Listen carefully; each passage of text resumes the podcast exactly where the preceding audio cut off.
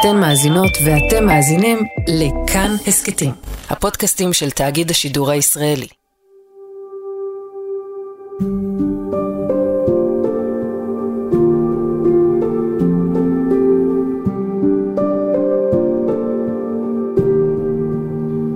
אלה בת 14, הייתה לה שגרת חיים מאוד עמוסה בקיבוץ שלה, קיבוץ בארי.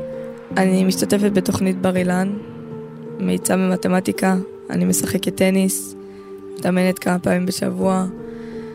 אה, ובעיקרון חברים, שיעורים, לימודים. שעות בודדות לפני עלות השחר של השבת השחורה, קיטרה אלה באוזני אחת מהחברות שלה על העומס שיש לה בחיים. אמרתי לה, אוף, לא היה לי טוב באימון היום, ו... ומה עם בר אילן? צריכה להגיש שיעורים ליום שני, ונשארו לי עוד איזה 20 תרגילים, מה אני אעשה?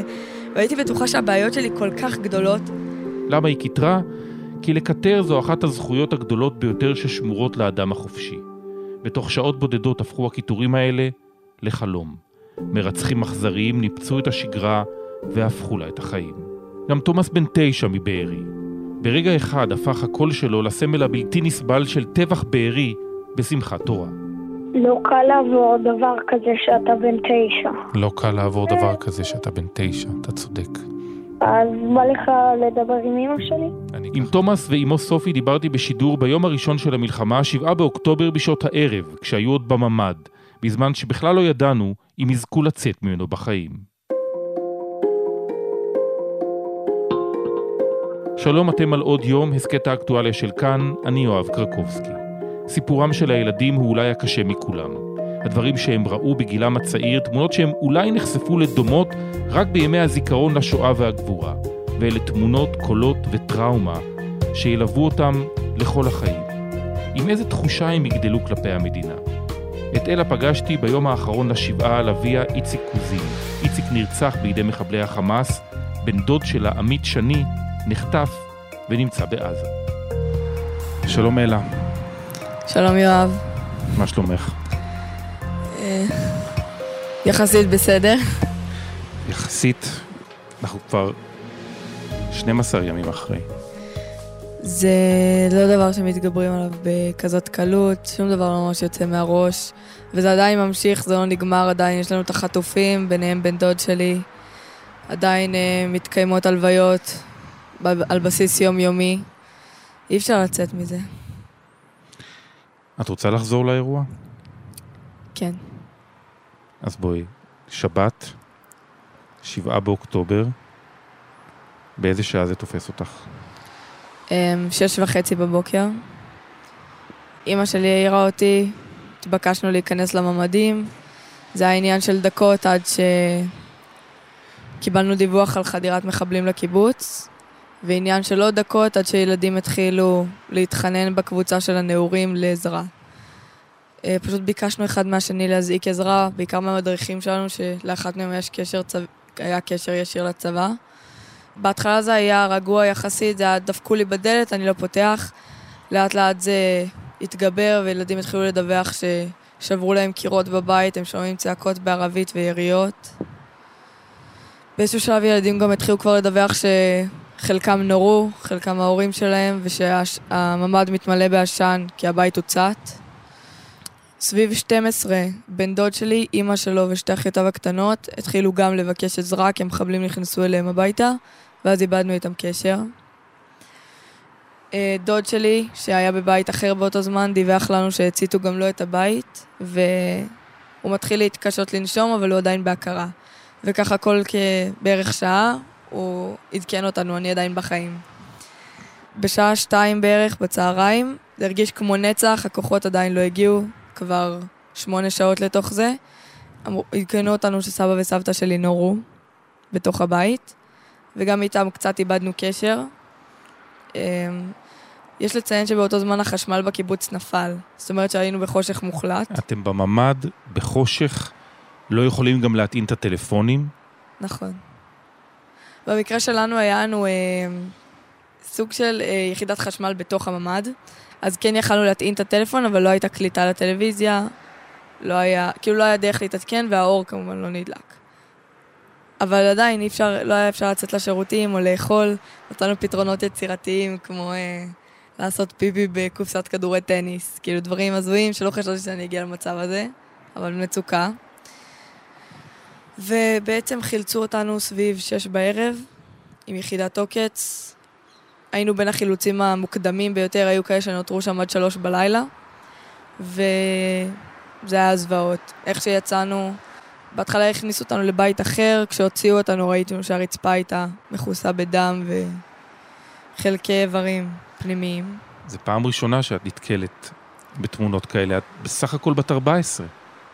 תמיד הייתי חושבת מתי יצא לי, האם אני אצטרך להתמודד עם הדבר הזה של לראות גופה. תמיד חשבתי שזה אירוע יהיה מטלטל יחסית. לראות גופה או לראות מחבל או דברים כאלה. מעולם לא חשבתי שהכל יקרה לי באותו יום ובטווח זמן כל כך קצר. אז איך, מאיפה לקחת את הכוחות? כי צריך המון כוחות. ביציאה הזאת מהבית, את רואה מראות שילדים בגילך לא צריכים לראות. מאיפה לקחת את הכוח הזה? אמ, קודם כל ידעתי ששאר המשפחה שלי במצב יותר גרוע ממני, אז אמרתי לעצמי, אוקיי, אני לא יכולה להתפרק עכשיו, כי הם צריכים מישהו. ואח שלי הקטן היה איתנו בן שמונה, אני לא יכולה להתפרק מולו, כי הוא מסוג הילדים שיראה אותי בוכה, יתחיל לבכות בעצמו.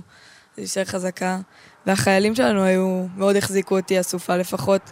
כל הזמן דאגו לחייך, להגיד לנו הכל בסדר, אנחנו שומרים עליכם, אם יורים לפה יורים עליי, אתם תהיו בטוב. הצילו אותנו. והחזיקו אותנו גם עם המורל והכל, פשוט עשו עבודה מדהימה כשהגיעו. מתי את מבינה שאבא נרצח? אה, אני אגיד את האמת, הבנתי את זה כבר ביום ראשון או שני, כי הבנתי שהוא לא סתם יהיה מנותק קשר. אבא שלי בן 72, הוא גבר מבוגר, והוא לא, אני יודעת שהוא לא בנוי לדברים כאלה, לא בנוי להיחטף עכשיו, לא...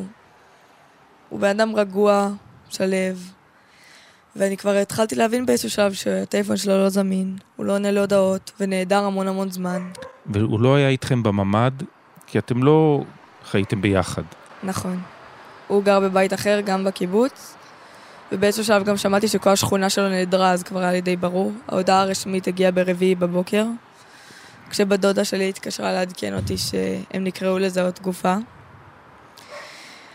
אני הזלתי כמה דמעות, אבל בגדול פשוט בהיתי בקיר איזה שעתיים בשוק. פשוט, והייתי, כל כך רציתי לשכנע את עצמי שזו לא הגופה. שאולי מצאו איזה גופה חרוכה שהניחו שזה הוא. לא רציתי להאמין.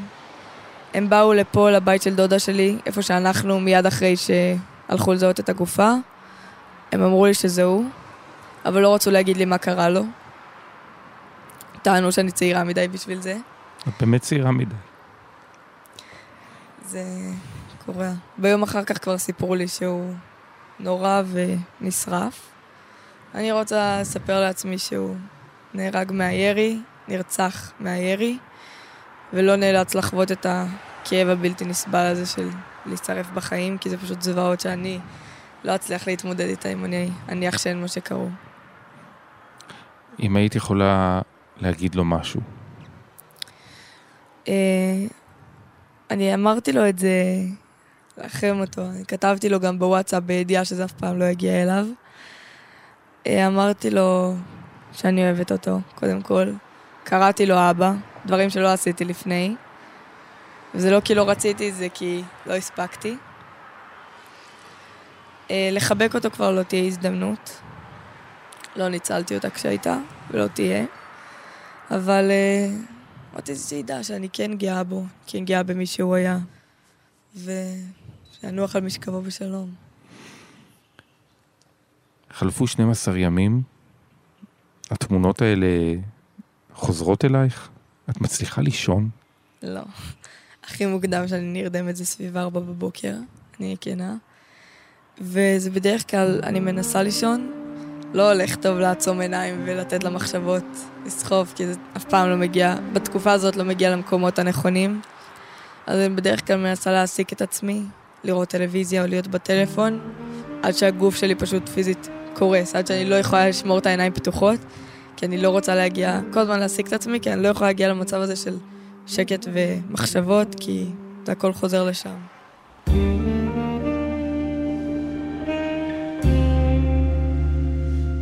אנחנו יושבים על מרפסת ברמת אביב, בבית של דודה שלך. בן אדם תמיד מסתכל בסוף אל האופק, מנסה לתכנן קצת את העתיד. את מנסה לתכנן את העתיד קצת? לראות את חייך? אמ, אני רוצה לדמיין שנחזור לקיבוץ, לשקם אותו, וכולנו נהיה שם ביחד. חברי הכיתה שלי, כמעט כולם בסדר, אחד עדיין נהדר. אני, אני מאוד מאוד רוצה לקוות שהוא בסדר. ילד מדהים. הוא היה חבר טוב שלי, של כולנו. הגיע לו את הטוב ביותר, ואני מקווה שימצאו אותו ויחזירו אותו הביתה. חי. אבל חוץ ממנו נרצחו הרבה ילדים משכבת הגיל שלי, בערך שנה מתחת, שנה מעל. זה בלתי נתפס שבכזו קלות זו גם יכלה להיות אני, או כל אחד אחר. אבל uh, אני בטוחה שנמשיך הלאה, לא רק בשביל עצמנו, אלא גם בשבילם. אני מאמינה שאותם ילדים לא היו רוצים לראות את הבית שלהם ואת החברים שלהם קורסים בגלל אירוע כזה. מגיע להם שיזכרו אותם, אבל לא שנזכור אותם בתור uh, טרגדיה. אני מניח שיצא לך לשמוע, ובטח לקרוא, על סיפורים מלפני 80 שנה, מהשואה, שנשמעים כמו... נורא קשה להזדהות איתם לפעמים, כי זה נשמע מופרך, אבל זה הכי קרוב למה שאתם עברתם. נכון, גם בקיבוץ שלנו היו זוועות שמאוד דמו לדברים שקרו בשואה. אני יודעת שהם הוציאו אנשים מהבתים שלהם, לקחו אותם לרחוב או למקום תמים כמו גן משחקים, העמידו אותם בשורה וירו בהם אחד-אחד. יודעים את זה גם כי מישהי, מישהי שרדה את זה כדי לספר. זה זוועות שלא חשבתי שאני אשמע. בחדשות ראיתי שהיה עניין שהתעללו בהורים מול הילדים הקטנים, כרתו איברים. את הילדים הקטנים, כ-20 ילדים קשרו, הניחו בערימה והציתו, בעודם בחיים, לפי מה שהבנתי. לא רוצה לדמיין את הזוועות האלה. אני כרגע, ואני יודעת את זה, אני מרגישה את זה על עצמי, אני יודעת כאילו להכיר בזה, שאני כרגע בהדחקה. אני לא, אני לא נותנת למוח שלי להיכנס לעומק הבנה של הדברים, כי אני יודעת שזה ישבור אותי וזה לא הזמן לזה. אנחנו נעבור את זה, אנחנו נשתקם, ואז כשיהיה יותר רגוע יהיה גם את הזמן להישבר. כרגע אני נשארת על קו הטכני ולא נכנסת לזה, כי אני יודעת שאני לא מוכנה לזה נפשית. אבל בכל זאת בכית קצת? יצא לך קצת, הדמעות בכל זאת השתחררו באיזושהי נקודה? המון. יש, יש פעמים שאתה לא שולט בזה, אתה, אני רוצה, רציתי להישאר חזקה, יש פעמים שאתה לא יכול. ואני זוכרת שהכי הרבה בכיתי לדעתי ביום רביעי בלילה. זה גם היום שגיליתי על אבא שלי.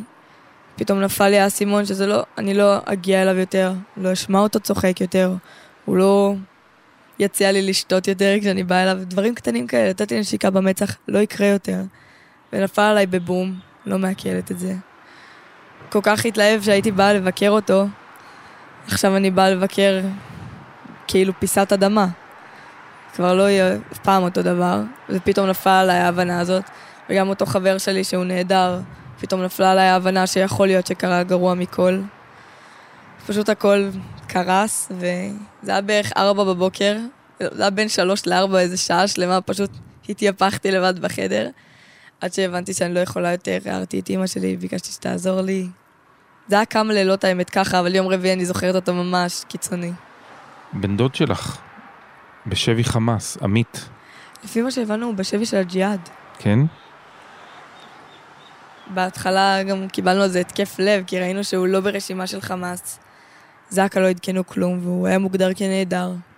עכשיו, רוב הנעדרים, לצערי הרב, זה רק עניין של זמן עד שזהו גופה. אבל אז הג'יהאד, לפי מה שהבנתי, הוציאו גם רשימה שהוא היה נמצא בה. היינו כל כך מאושרים, זה מוזר, זה הזוי, מטורף שאנחנו מאושרים שהוא חטוף, אבל לפחות אנחנו יודעים שהוא... אנחנו יודעים איפה אנחנו יודעים שהוא עדיין חי. תקווה שיחזירו אותו הביתה, כל מה שאנחנו רוצים כרגע, עושים הכל. בן 16, עוד שנייה. כן. היית קרובה אליו? כן.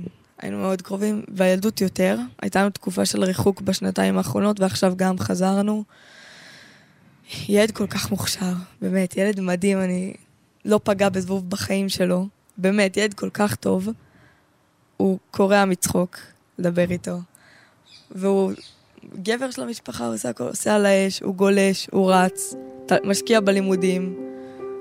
ילד באמת עם פוטנציאל מדהים, אני לא רוצה שזה יילקח ממנו. ואני רק, באמת, רק רוצה שהוא יחזור אלינו. שיראה כמה כולם דאגו לו, כולם היו סביבו בזה. על המצב הנפשי שלו אני בטוחה שלא יהיה טוב, כי עבר הרבה יותר מדי לילד בן 16. אבל במצב הנפשי שלו אנחנו נטפל וכולנו ניתן לו את כל מה שהוא צריך, רק שמישהו יחזיר אותו כבר.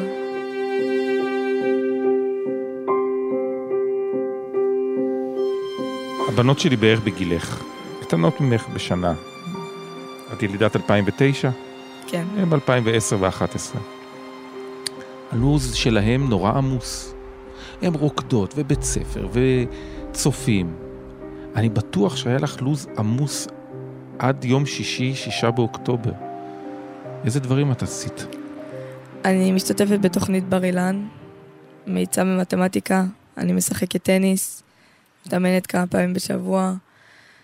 אה, ובעיקרון חברים, שיעורים, לימודים, הכל נכנס לי, ואני אגיד לך את האמת, ביום שישי בערב נפגשתי עם חברה טובה, ובכיתי לה, ואמרתי לה, אוף, הכל כל כך עמוס לי, כאילו, למה, למה החיים כאלה עמוסים? ממש, ערב, כאילו, כמה שעות לפני שהכל קרה. אמרתי לה, אוף, לא היה לי טוב באימון היום, ו...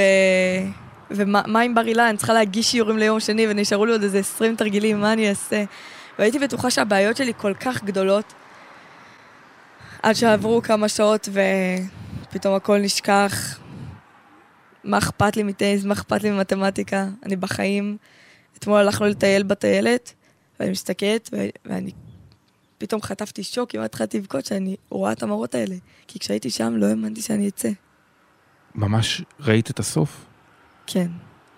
גם ש- כשהוציאו אותנו מהממ"ד, אני הרגשתי מאוד לא, כאילו, הרג... אני מאוד שמחתי על הצבא שלנו, אבל הרגשתי מאוד לא בטוחה, כי זה עניין של מחבל אחד שיודע לכוון קצת יותר טוב מאחר, והכל נגמר. מה המצב של סבתא? סבתא גיבורה, סבתא בסדר, היא... ראיתי אותה, אה, יש לה סימני ירי במרפק, בגב, וכל הבטן שלה נפתחה לה... כשהוציאו לה את הזה. הם אה, דיממו בממ"ד כתשע שעות, כי מחבלים רדפו אחריהם לממ"ד. סבא שלי, גאון, ניתק את הידית החיצונית לפני שנכנס, כך שאי אפשר לפתוח. הם נורו דרך דלת הממ"ד, בחושך. החשמל נפל, אה, שניהם חטפו רסיסים או כדורים, והם דיממו בממ"ד, שניהם. ולא יכלו לטפל אחד בשני כי לא רואים כלום, ואי אפשר לדבר יותר מדי. היו להם מחבלים בבית כל הזמן הזה. סבא שלי יצא להביא תחבושות באיזשהו שלב, הוא הסתכן, הוא אמר, אני לא רוצה שהיא, שהיא תמות באמת. הוא יצא להביא תחבושות, והתקשר אלינו ואמר לנו שיש לו מחבל ישן על הספה בסלון. הזעקנו עזרה, שלוש שעות אחרי זה חילצו עם כוס דינים והמון דם והכל, סבתא מדממת באופן מסיבי. והיו שלוש גוויות בבית שחוסלו לפני שהם חולצו. אה, עכשיו היא עם תפרים, אתמול הורידו, הורידו לה את הסיכות, והיא גיבורה, היא צוחקת, היא מדברת. היא אומרת לנו כאילו זה כלום, אה, נכנסנו לממ"ד ב-12. אחרי שהם ראו מחבלים מהחלון, ישבו בחוץ והיא לא שומעת כל כך טוב. היא אומרת לי, איזה יריות היה בכלל? היא מסתכלת מהחלון, ואז אומרת לסבא שלי, אוי, תראה, הם נכנסים לבית של זאתי. אברהם, זה מחבלים, אולי ניכנס לממ"ד. והכי צ'יל וזה. וירו בהם, והיא כותבת לנו בוואטסאפ, נקראנו עליה מצחוק, כותבת לנו בוואטסאפ, בסביבות אחת, לפני שהיא נורתה, יצאנו מהממ"ד כי שמענו דפיקות ורצינו לבדוק מה הנזק. והמחבלים הוציאו את זעמם על העציצים שלי. ככה. עכשיו, הרגה אותנו מצחוק. טוב שיש את סבתא למצבים האלה, אבל היא חיה רעה, איך היא שרדה את זה. חטפה שני כדורים ועשתה מזה, עשתה להם בית ספר. גיבורה. אתם גיבורים כולכם. איך אנחנו מסיימים? אני אשמח להגיד, למי שמקשיב לזה, שהפחד הכי גדול לא היה כל כך המחבלים. כמובן שהמחבלים פחד אימים, אבל זה לא היה זה. אנחנו הרגשנו שהפקירו אותנו. אם הייתי מראה לך את קבוצות הוואטסאפ, זה זוועות שאי אפשר לתאר. אימהות צורחות. התינוקות בוכים ברקע, אימהות צורחות שנורו, שהבעל שלהן נהרג, שהילד נורא, דברים איומים, אנחנו לא נושמים פה, דברים כאלה מעל חמשת אלפים הודעות, אני חושבת, שילדים מתחננים לעזרה. איפה היה הצבא? ואני אגיד את דעתי, אני לא מאשימה את הצבא. הם נערים בערך כמונו, הם גדולים ממני באיזה שלוש, ארבע שנים, חמש. הם עדיין לא חוו כלום. הם ממלאים פקודות ונותנים את החיים שלהם בשבילנו. אי אפשר להודות להם יותר, כאילו, פשוט אין דברים כאלה על צה"ל. אבל הממונים עליהם, שלא יצאו והקריבו את החיים שלהם בשבילנו, לא עשו מספיק, ולא הפריע להם כי הם לא חוו את זה. הם לא ידעו באיזה פחד היינו, שכל דקה, בכל דקה, נרצח לפחות עוד בן אדם אחד. וכל דקה אתה בטוח שזה הולך להיות אתה, ואף אחד לא עשה עם זה כלום. ואנחנו הרגשנו כבר שאין שום סיכוי, באיזשהו שלב היינו בטוחים שהקיבוץ נכבש, שאין יותר בארי לעולם, שאף אחד מאיתנו לא יצא משם בחיים, כי הבנו שהממשלה פשוט הפקירה אותנו. וכרגע, הדבר היחיד שנשאר שמעניין אותנו זה החטופים. אני מתחננת שיעשו כל מה שאפשר, כי אין מצב שאני לפחות איבדתי בן אדם אחד, לא מוכנה לאבד עוד אחד, והמשפחה שלנו תתפרק. לפחות רובנו נפשית נתפרק, אם עמית לא יחזור.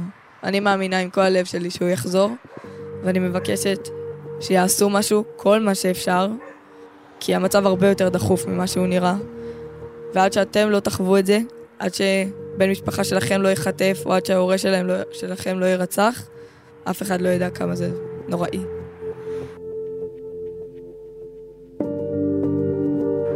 את אדם צעיר, כל החיים לפנייך. והמדינה הזאת, אה, את אומרת, הפקירה אותך. אז באיזה תחושה את, את עומדת לגדול כלפי המדינה? אני רוצה לקוות שמשהו ישתנה. עכשיו המצב הזה הבהיר לנו טוב טוב מה קרה, באיזה סיכון אנחנו. אני לא מתכוונת לעזוב את הארץ. אני אוהבת את מדינת ישראל. מה שנקרא, אין לי ארץ אחרת, גם אם אדמתי בוערת. ועכשיו האדמה בוערת. אנחנו נשארים כאן, אבל זה לא אומר שלא צריך לעשות משהו, וכמה שיותר מהר, כי אנחנו במצוקה. אלעד מקסימה. תודה רבה. תודה רבה לך. ביום שבת 7 באוקטובר לפנות ערב כבר הגיעו כוחות החילוץ לחלץ את משפחתה של סופי ברזון מקאי מהממ"ד. מיד החלו נפילות, שמונה מטרים מהם נפלה רקטה והם הוחזרו לממ"ד, הפינוי נדחה, זו הייתה הנקודה שבה שוחחתי איתה ועם בנה תומאס בכאן רשת ב'. אני לא יודעת מה, מה קורה בשאר הקיבוץ, אני מקווה שתכף יפנו אותנו ונפגוש את כל שאר המפונים ונתחיל להבין מי נגד מי ומה קרה לנו היום. ספרי לי איך הילדים מרגישים, אני שומע ילדים קטנים יש לך. מאוד קשה. לא רק הילדים, גם אנחנו. גם בשביל אה, אנשים מבוגרים למצוא את עצמנו בסיטואציה הזאת, סגורים בתוך הבית עם אה, מחבלים מחוץ לחלון. זו סיטואציה מעוררת אימה וקשה מנשוא. שלום לך, מה שמך? אה, תומאס. תומאס, מה שלומך תומאס? בסדר, לחוץ לחוץ? טיפה הרבה, אבל נעבור את זה. בוודאי שנעבור את זה. איזה שאלה בכלל? תספר לי מה שמעת במהלך הבוקר הזה והיום. שמעתי יריות, ושכולנו בחלון ממ"ד עם איזה בית החמות, ושמענו מלא אזעקות ופיצוצים. גם עכשיו יש לנו פה יריות. החזקת יד של מישהו? של אימא? אולי של אחד האחים? ברור. כן? כל הזמן נתתי חיבוקים לאימא ולחצתי לה את היד. השבוע חזרנו אליהם, לתומאס ולסופי. תמר אלמוג ואני דיברנו איתם בכאן רשת ב'. שלום סופי ברזון מקאי. שלום. עכשיו אתם בעין גדי. כן, חלק מהקיבוץ אה, בעין גדי והחלק השני במלון בים המלח. שבועיים אחרי, אי אפשר לעכל את מה שעברתם, אבל עד כמה שאפשר. כן, אה, בכלל, את יודעת, את אומרת שבועיים, ואני כאילו לא מאמינה שעברו שבועיים. משהו בתחושת זמן ממש השתבש אצלי.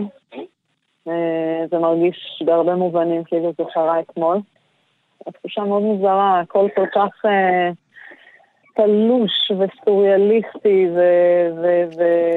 ולא יודעת, הימים עוברים בצורה כל כך אינטנסיבית. כל כך הרבה דברים שצריך להתארגן עליהם ו- ולהבין אותם ולפענח אותם. ו... ובזמן הזה עכשיו, ב-13 הימים שחלפו, אתם מדברים על זה? אתם מדברים על מה שעברתם? כן, כן, וכל מיני קונסטלציות, גם טיפוליות, אה, גם קצת בינינו. כן, כזה, מדברים, זה כל הזמן באוויר. כשיצאתם אה, מהממ"ד, נחשפתם לעוצמת האסון שעבר, כן, זה היה שעברה. הקהילה שלכם. זה היה רגע מטורף לצאת מהממ"ד. כאילו, כן, הייתי פשוט בשוק. מזל שהחיילים אמרו לילדים לעצום, לעצום את העיניים ולא לפתוח אותם עד, ש, עד שהם לא נותנים להם אה, אוקיי. והם עצמו עיניים? כן, כן, הם עצמו עיניים חזק והחזיקו לי ברצועות של התיק, כל אחד מצד אחד, והקטנה שלי הייתה עם ידיים על האוזניים, חיבקתי אותה מקדימה, וזה פשוט היה לצאת לתוך איזו סצנה מאיזה סרט אפוקליפטי מטורף. הקיבוץ עלה באש, השמיים היו באיזה צבע מוזר. תומאס, אתה איתנו? כן. היי, מה שלומך, תומאס, תומאס? מה שלומך? אה, בסדר. היית בבריכה. כן, אמא משכה אותי מהאוזן. למה היא משכה אותך מהאוזן כדי לדבר איתנו? כן. אני רוצה להגיד לך שאנחנו דיברנו לפני 13 ימים, ואתה ריגשת אותנו, 13 ימים, כמה זמן אנחנו תקועים בזה? זה כן. המון זמן. הרגשת שזה יותר או פחות? הרגשתי שזה ארבעה ימים בקושי. באמת? כי זה נורא כי אני לא אינטנסיבי. ישן כבר אה, שבועיים בערך.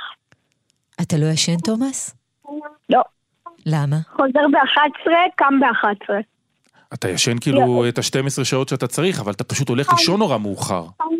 אני, אני יכול לישון הרבה יותר מ-12 שעות.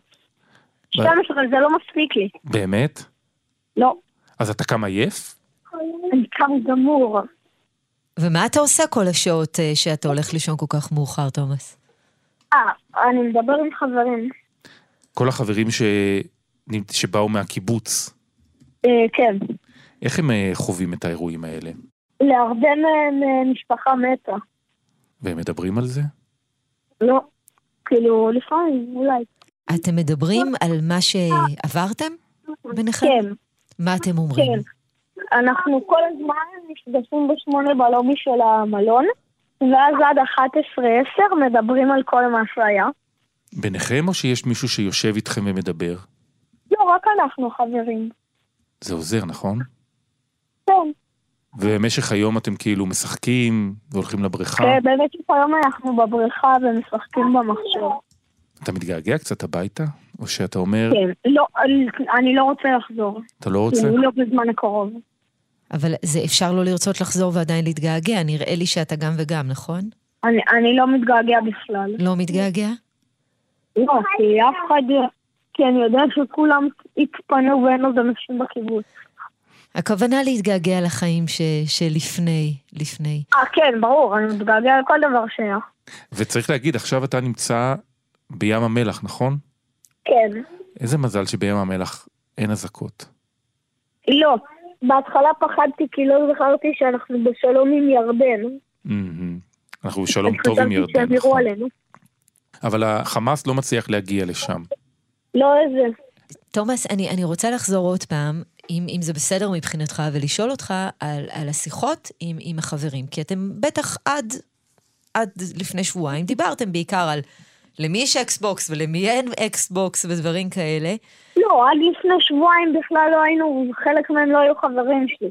ומה הפך אתכם לחברים עכשיו? מה חיבר אה, ביניכם? מה אה, שעברתם? שיחקנו בשמונה בלובי, ואז התחלנו לדבר, ומאז כל יום אנחנו ככה כבר שבועיים. זה כולם חברים מבארי או גם מקיבוצים אחרים? בארי בעיקר, ויש אחד לא מבארי שבא לשחק איתנו לפעמים. וכשאתם מדברים, אז לפעמים מן הסתם גם אה, בוכים, או אתם מרשים לעצמכם גם לבכות ו... ולהיות עצובים ביחד? אנחנו מרשים, אבל אנחנו לא מדברים על כל ה... על דברים שגורמים לנו לבכות. אנחנו מדברים על מה שעשו לנו בבתים, כאילו, חלק אמרו ש... שמסוק ירה עליהם, על המחבלים, ושחלק מהם קפצו לשיחים או מקומה שנייה, וזה... אתה מבין שמה שאתם עברתם זה דבר שקוראים עליו בספרים, רואים עליו סרטים, אתם עברתם חוויה שהיא הכי ייחודית לכם. אתה מבין את זה? אני חשבתי, אני הלכתי לישון באותו, ביום שישי, חשבתי, וואי, אני אקום ביום שבת, יאכל לי איזה פנקה ככה, ילך לשחק עם חברים, תהיה בטלוויזיה, ואז לא ציפיתי בשש בבוקר שכל המשפחה נכנסת לי לחדר, מעירה אותי, ואז נועלים דלתות, מביאים מגבות רטובות, ובום, יש חדירה. וואו. זה לא רגיל. כאילו, אני רגיל לאזעקות והכל. אזעקות קורים לנו גם כשאנחנו באמצע להסתובב. אז אנחנו יודעים כבר מה עושים, גם אם אין לידינו מדונית. אבל לגבי מחבלים עכשיו, אה, אני לא, לא נראה לי יקרה דבר כזה עוד בישראל. שלא יקרה לעולם בשום מקום. זה נורא ואיום הדבר הזה. כן. מה התוכניות שלך ליום הזה, למחר? אין לי מושג. אני צריך לישון על זה. זהו, זה... אתה מתוק, אתה מתוק אמיתי, אני מת לפגוש אותך. אני מת לפגוש אותך, אני רוצה לחבק אותך. תדע לך. תבוא, תבוא לים המלח, יש. לנו, אין לנו מקום במלון כבר. סופי, תשמרי עליו ועל עצמך, ואנחנו נראה אוהבים לי אתכם מאוד. שתומאס ישמור על כולנו. זה נכון. תומאס ישמור על כולנו. תודה רבה לכם, לכם. חברים, תודה רבה. לא. כשאתה נוסע לים המלח, אני אקח אותך לחבק. אני- אני אני באה איתך. אני אעשה את זה. החיבוק מהילד הזה נראה לי, זה הרבה מאוד. תודה רבה, סופי סופי ותומאס. ותומאס, תודה רבה תודה לכם. לכם. יואב, אני רק עוד פעם רוצה להגיד לך תודה ששמעתי את השיחה שלך עם תומאס אחר כך, אה, דיברת עליו בצורה כל כך מנחמת ומעוררת תקווה שזה מאוד ריגש אותי. תודה רבה תודה לכם. לך על זה. תודה רבה.